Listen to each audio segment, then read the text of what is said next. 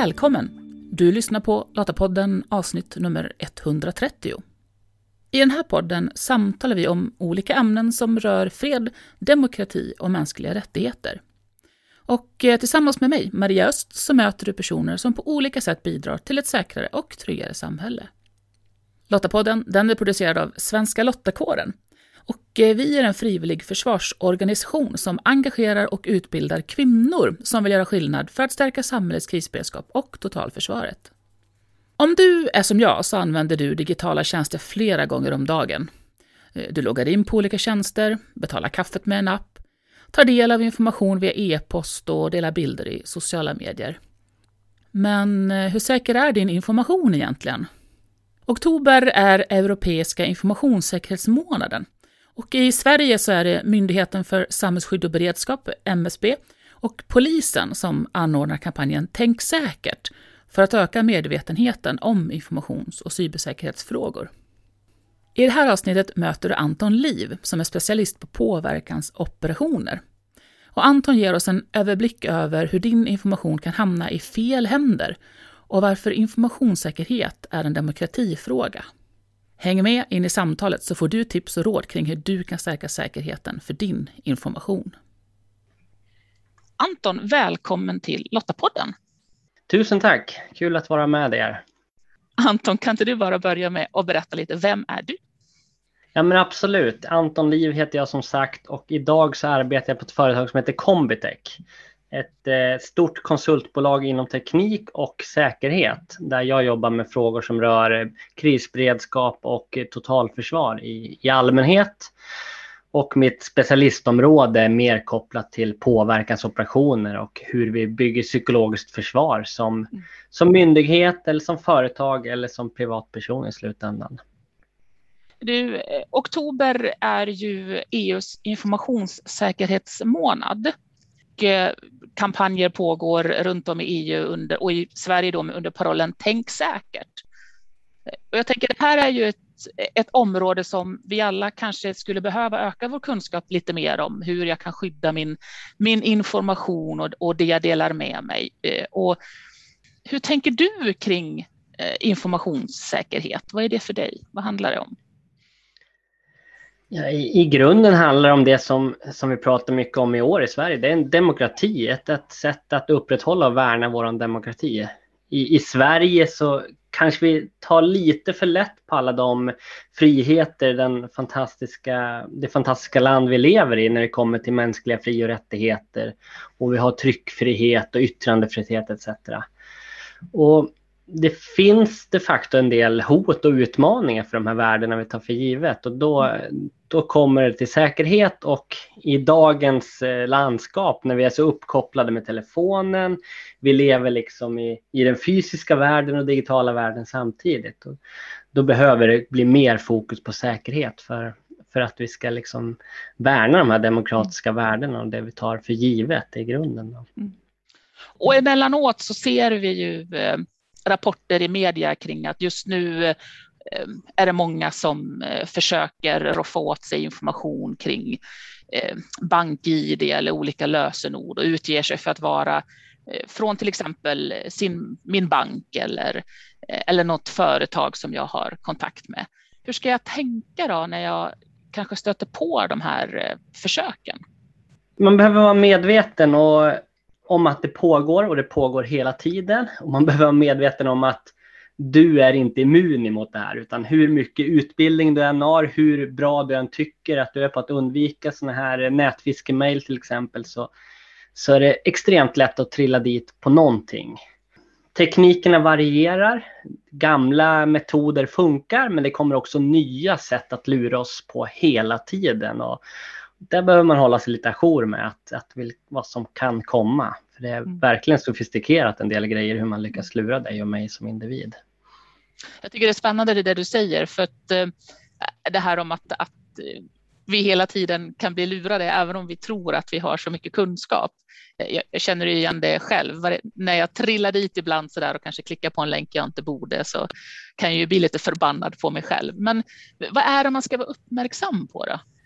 Ja, men, men dels är det här som kanske mer, har blivit mer allmänmedvetet att man, man får ett länk i, i en mail eller man får ett sms från en avsändare. Man kanske får någon som hör av sig i ett socialt media där man köper och säljer varor, typ så här en Facebook-annons, någon svarar på den och, och försöker lura in oss i en fälla på det sättet.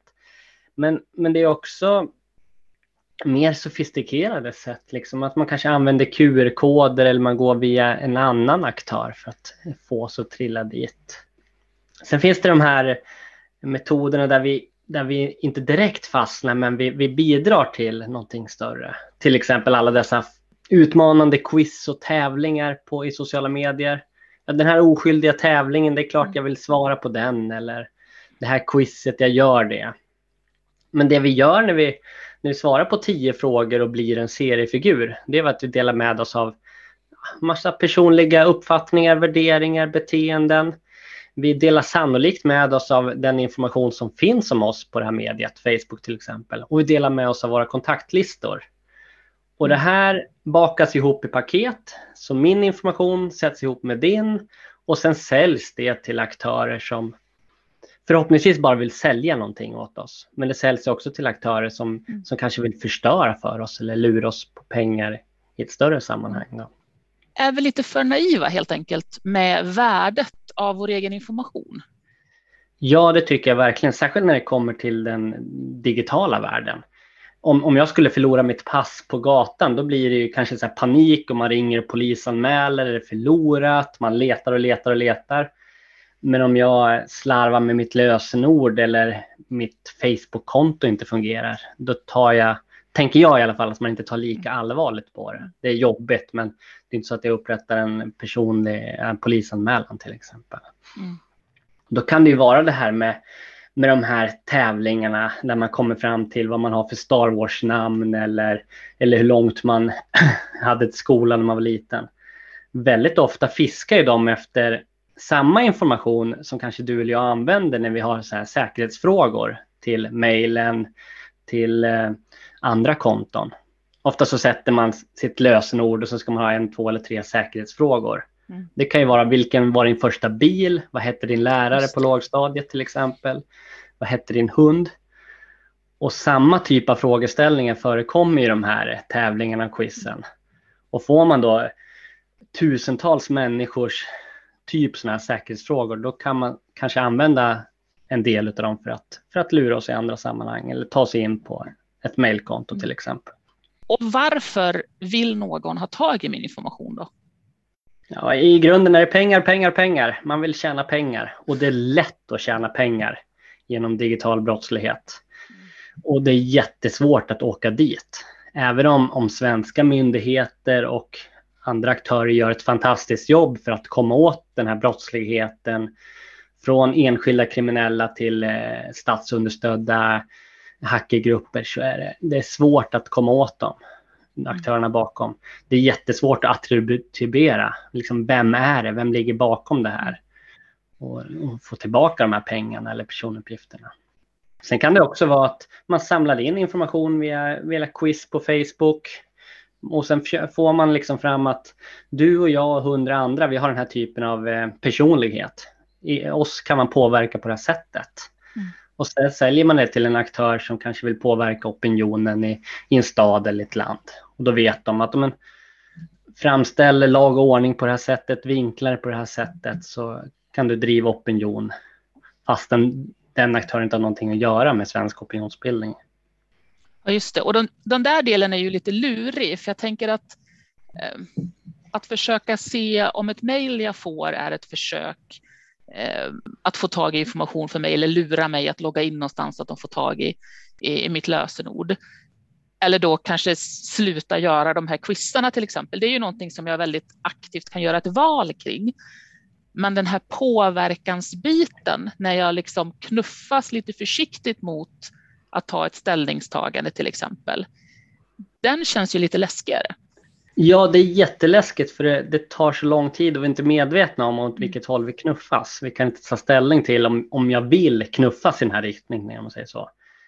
Till exempel om, om jag som en illasinnad aktör, en, ett annat land eller en terrororganisation eller någon extremrörelse, jag kanske vill knuffa människor i en viss riktning.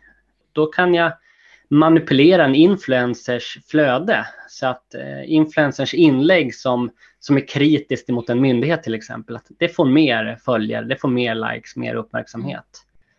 Influencern i frågan vet inte om det, men hen, hen ser ju bara att shit, det här inlägget när jag kritiserade myndigheten, det flyger viralt. Mm. Och då kommer den skriva samma sak igen kanske. Och den här typen av manipulation är jättesvår för dig och mig att, att komma åt. Då. Det, det, finns ju olika typer av, av, manipulation i flera led där man kan lura individen. Mm. Jag tycker det är jättebra. Vi har en, en hög ideologisk polarisation i Sverige. Det är jättepositivt att man kan tycka saker. Man kan vara sverigedemokrat, eh, vänsterpartist eller någonting annat. Och, och, man kan tycka saker och vi har de, de friheterna. Men man ska vara medveten om att om man är med i en gruppering, kanske en, en sluten grupp i ett socialt media, så är man ju också en intressant måltavla för den som vill driva på känslor och engagemang och, och få oss att bli lite mer upprörda. Mm. Så även om vi engagerar oss, vi ska kunna vara kritiska mot myndigheter eller vi ska kunna gå i opposition mot andra politiska inriktningar, så ska vi vara medvetna om att ju, ju starkare våra åsikter är, ju större potentiellt mål är vi för den som vill förstöra och kanske vill utnyttja oss för att göra dåliga saker. Och finns det några knep jag ändå skulle kunna ha i, i bakhuvudet då när jag möter information som jag kanske känner att det här håller jag absolut inte med om och blir jättearg eller ah, det här kan nog kanske vara lite sant. Det mest praktiska kan ju vara att, att, ta ett glas vatten innan man, innan man delar någonting vidare. Men drick ett glas vatten, sen delar du vidare eller sen svarar din meningsmotståndare. Och då kanske det blir lite mer genomtänkt. Du kanske inte går i den där känslomässiga fällan direkt att, att skrika ut din upprördhet eller det här tycker jag och du är dum i huvudet utan vi kanske kan sansa oss och sen ja, blir vi lite mer rationella i vårt svar. Sen allmänt när det gäller informationssäkerhet så enkla metoder funkar. Även om de här hackernätverken eller hackergrupperingarna är superduktiga och lurar staten och enskilda individer på enorma belopp så, så funkar till syvende och sist de här små enkla sakerna. Till exempel, sätt ett säkert lösenord. Långt olika tecken och specialtecken och sen behåller du det. Använd tvåvägsautentisering alltid om det är möjligt. Mm. Alltså att du måste logga in via mejlen och sen ska du godkänna på telefonen till exempel. Ha med dig att hela tiden det du delar, det delar du med världen. Alltså din telefon är inte safe eller ditt mail är safe. Så om inte du att någon annan ska få se de här nakenbilderna eller det här du skrev till någon, då ska du inte skriva det i ett digitalt media. Den här krypterade appen, den är inte okrossbar, liksom, utan det, det kan kommas åt av den som vill. Och ett sånt där riktigt mantra jag tar med mig själv, det är ju om tjänsten är gratis, då är det du som är varan. Mm. Så många sociala medier till exempel, det, är kommersiella bolag som tjänar pengar på upplevelseekonomi. På att vi ska spendera tid på plattformarna för att de ska sälja annonsyta till exempel. Det är ju inte en offentlig aktör som, som bara ser till det digitala rummet och det, det demokratiska värden utan de ska ju tjäna pengar också. Ja, och där har vi ju också då en sak, jag tänker i det här med, med påverkansbiten och att bli förflyttad. Eh, I och med att de här plattformarna då visar mig mer utav det jag själv väljer att interagera med. Där är ju risken också att jag hamnar i, ett, i en bubbla, i ett vakuum där jag bara bekräftar min egen världsbild och inte får någon möjlighet egentligen att, att få influenser från något annat om jag inte aktivt väljer att göra det själv och leta runt delvis har vi en uppfattning om att, att de här filterbubblorna, så kallade ekokammare, äger rum. Det finns en del intressant svensk forskning på att, att det är inte så allvarligt som man kanske kan tro, utan mm. individer har ändå en tendens att få, få ta del av andra åsikter och andra grupperingars tyckande och tänkande. Men det som är väldigt tydligt är att om ett inlägg provocerar, skapar känslor, du blir arg, förbannad, glad, stolt, då skapar mer engagemang och du ser det i dina flöden. Då kan det vara att, att media sätter mer provocerande rubriker. Politiker sätter mer provocerande rubriker eller approcherar känslor. Liksom influencers eller dig som privatperson. Att det som skapar engagemang, och det är oftast känslor, det syns mer.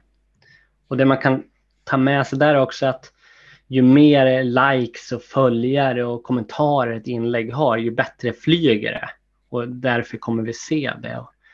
Och det är ju positivt, men det är också en utmaning för att det, det skapar ju en annan typ av filterbubbla. Att vi ser bara det som är, som är populärt. Och det mm. som är populärt är oftast det som driver starka känslor. Mm. Och oftast kanske vi bara tittar på just den där slagfärdiga rubriken och inte riktigt läser eller lyssnar på vad som faktiskt ligger bakom det. Ja, ja men verkligen. Det kan ju vara väldigt nyanserat om jag väl läser texten, tänker jag, eller lyssnar på poddavsnittet eller tittar på, eh, på inslaget på tv. Rubriken är ju där för att fånga ett intresse och vi kanske läser rubrik och ingress som du säger. Sen kan det ju vara delvis ett annat innehåll om, om man läser hela, hela texten, oavsett om det är en nyhetstext eller ett blogginlägg eller ett, ett samtal.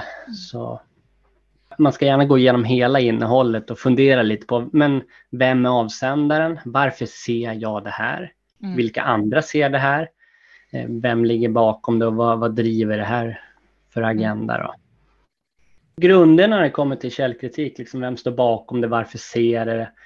Men, men i dagens medielandskap och informationsmiljön som helhet så är det ju så otroligt hur man kan manipulera data. Och även om du är supernoggrann här med, din källkritik så om, om en aktör har manipulerat datan, liksom att ett inlägg har fått fler likes till exempel, då, det kan ju inte du se. Mm. Och då går vi i fällan fastän vi är källkritiska. Mm. här behöver vi ha en förståelse för att marknaden när det kommer till eh, manipulation i till exempel sociala medier, det är inte en rysk trollfabrik som försöker lura amerikanska väljare. Det här är en global marknad där man för några få kronor liksom kan köpa positiva saker och negativa saker.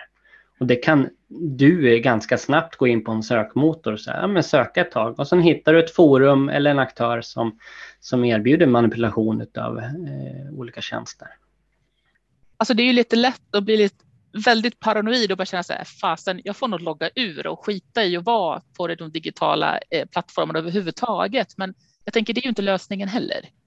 Nej, det är inte lösningen för det ger ju en fantastisk möjlighet om man ser till demokrati och integration och liksom köpa och sälja varor och vara med i olika föreningar. Det är, det är framför allt fördelar, men med allt finns en baksida. Mm. Och innan man då kanske startar ett nytt konto så ska man kanske fundera lite på, men vad är det här kontot, hur funkar det? Vi hade Clubhouse, var ju superpopulärt tidigare i år. Clubhouse, de ville att man gav ifrån sig hela sin eh, telefonkatalog. Och då när det poppar upp så här, tillåt dela telefonkatalog, då behöver man andas och ta det där glaset med vatten. Om man gör det och så kommer man fram till att jag vill inte dela min telefonkatalog med Clubhouse. Då kunde man söka och så fanns det medel på att kringgå det här. Så det, det går ofta ganska enkelt att, att kringgå eller begränsa eller anpassa vad man delar mm. med andra. Då.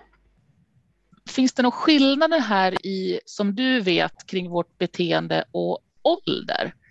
Är, är liksom unga som mer uppväxta med eh, de digitala eh, möjligheterna bättre på det här än äldre? Eller finns det några skillnader?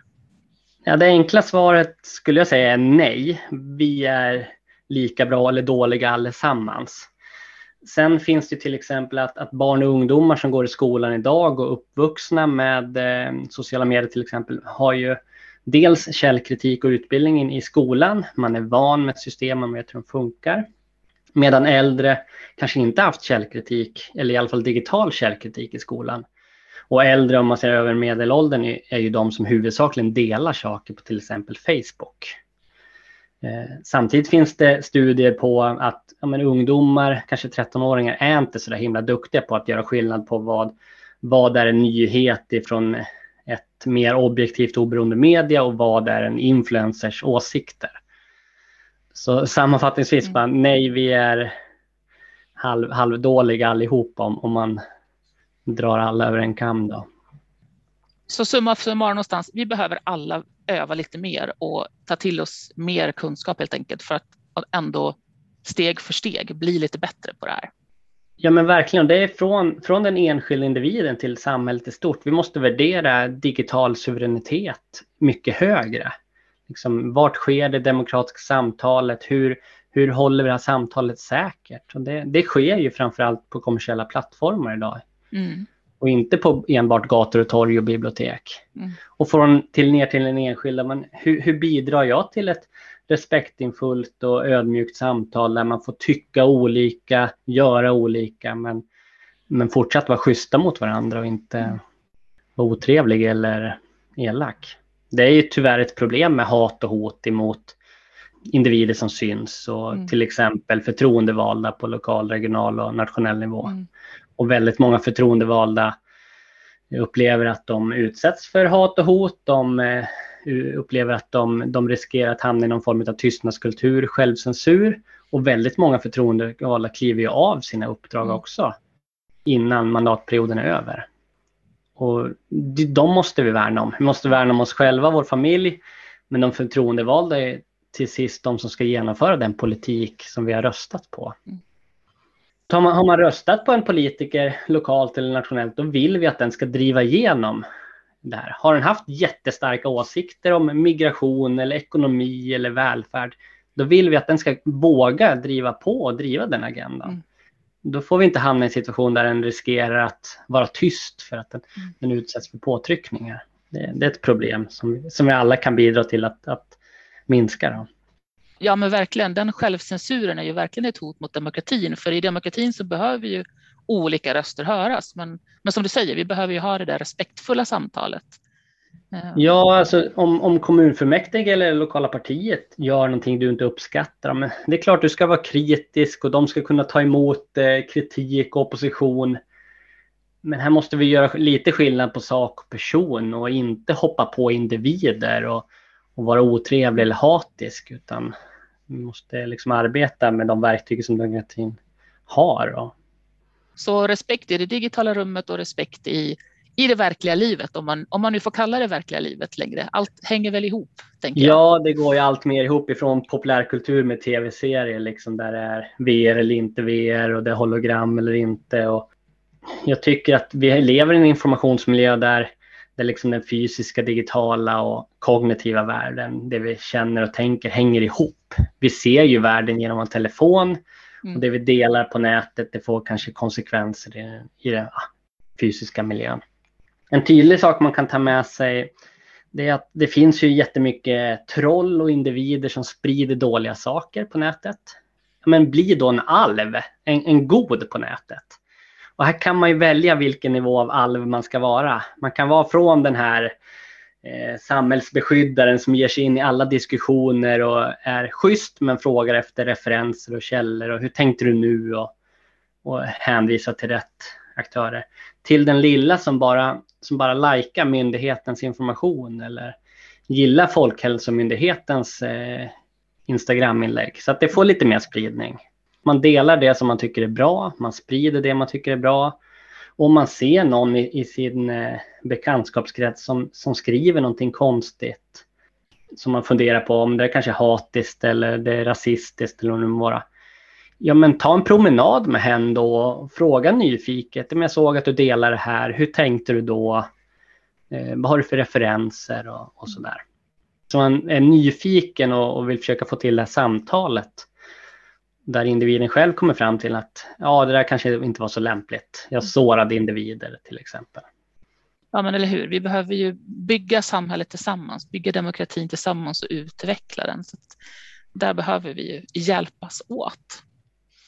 Men Anton, om vi skulle summera då informationssäkerhet. Du nämnde ju eh, till att det, liksom, det hör ihop med vår, med vår demokrati och möjligheten att eh, att samtala och delta både i det digitala rummet och det fysiska rummet. Men om man skulle liksom ge här, tre tips, då, vad ska jag tänka på informationssäkerhetsmässigt för att i alla fall börja bli lite säkrare? Du, våga andas, drick det här glaset med vatten innan du klickar på någonting eller delar någonting. Nästa är att, att små medel fungerar. Krångligt lösenord, behåll det krångliga lösenordet ha inte samma lösenord överallt utan är det mejlen som är det viktigaste, ha ett unikt lösenord och behåll det. använd tvåvägsautentisering. De flesta applikationer och tjänster stödjer ju det idag. Och, och sen ha med sig det här hela tiden att om tjänsten är gratis så är det du som är varan. Hur ointressant du än tycker att du är så håller inte alla med om det, utan man kan använda dig i större sammanhang för att sälja saker, lura saker, driva opinion, kanske komma åt eh, liksom familjemedlem som, som sitter på en känslig position kopplat till information eller ekonomi. Perfekt. Och så naturligtvis uppmanar vi alla då att, att bli alver såklart. Ja men verkligen. Vill man göra någonting här idag, men bli en alv då. Du kan, du kan börja liksom i den närmsta kretsen så här, att vara lite mer nyfiken, våga uppmuntra till diskussion, till debatt och, och våga liksom gå till, till fakta och inte bara känslor. Mm. Vill vi att bra saker ska få spridning, om, om jag till exempel gillar Folkhälsomyndighetens information och är för vaccin, men dela vaccininformationen då, så att den också får vingar. Så hjälps vi åt helt enkelt. Anton, tack så jättemycket för att du hjälpt oss att få lite mer insikt i det här kanske lite krångliga eh, ämnet informationssäkerhet. Tack så mycket. Som Anton sa så finns det ju massor av fördelar med våra digitala liv. Men vi behöver också öka vår kunskap för att säkerställa att vi i möjligaste mån skyddar vår information. Att vi tänker säkert. För mig var det i det här samtalet en ögonöppnare att ett quiz kan samla in samma data som vi använder som säkerhetsfrågor. Eh, nu gör jag av princip inte quiz just för att jag inte vill dela med mig av information om mig, men den vinkeln var ny för mig. Så ta en funderare på hur du hanterar din information. Eh, du hittar mer information om kampanjen Tänk säkert eh, och tips på vad du kan göra för att skydda din information på dinsäkerhet.se. Lästips relaterat till det vi samtalat om i det här avsnittet det hittar du på lottapodden.se. Och om du, precis som svenska lottakåren, tycker att fred, demokrati och mänskliga rättigheter är värda att försvara och du vill vara med och göra skillnad för vårt samhälles krisberedskap och totalförsvar, ja men då ska du gå till svenskalottakåren.se. Där hittar du information om hur just du kan göra skillnad. I nästa avsnitt av Lottapodden, som du kan lyssna på den 28 oktober, då träffar du Per Plyschke som är engagerad i Preppa Tillsammans Skarpnäck. Men för mig är det ju dels att eh, kunna ta hand om sig själv eh, och de som är eh, nära en. Eh, som ett sätt för att sen kunna lyfta blicken och tänka på lokalområdet och se vad kan vi göra här när en kris inträffar? För en kris blir ju alltid lokal. Mm. Uh, och det är ju vi som är på plats då som kan agera snabbt. Och det spelar ingen roll om jag bara förbereder mig själv och jag till exempel har uh, gått en första hjälpen-kurs uh, och är bra på det. Om det sen är jag som drabbas av en olycka, då behöver jag första hjälpen. Då behöver jag att andra kan hjälpa mig. Så att jag tänker en, en beredskap behöver alltid vara gemensam. Så därför är även preppingen hemberedskapen också en förutsättning för att sen kunna agera gemensamt, mm. tänker jag. Så om du inte redan gör det, prenumerera på Lottapodden så du inte missar nästa avsnitt. Du hittar podden bland annat i Apple Podcast, Podbean eller på Spotify. Och om du gillar Lottapodden, berätta gärna för andra om den. Och lämna gärna en recension om du använder Apple Podcast, så hjälper du fler att hitta till podden. Och tack för att du lyssnar. Hej så länge!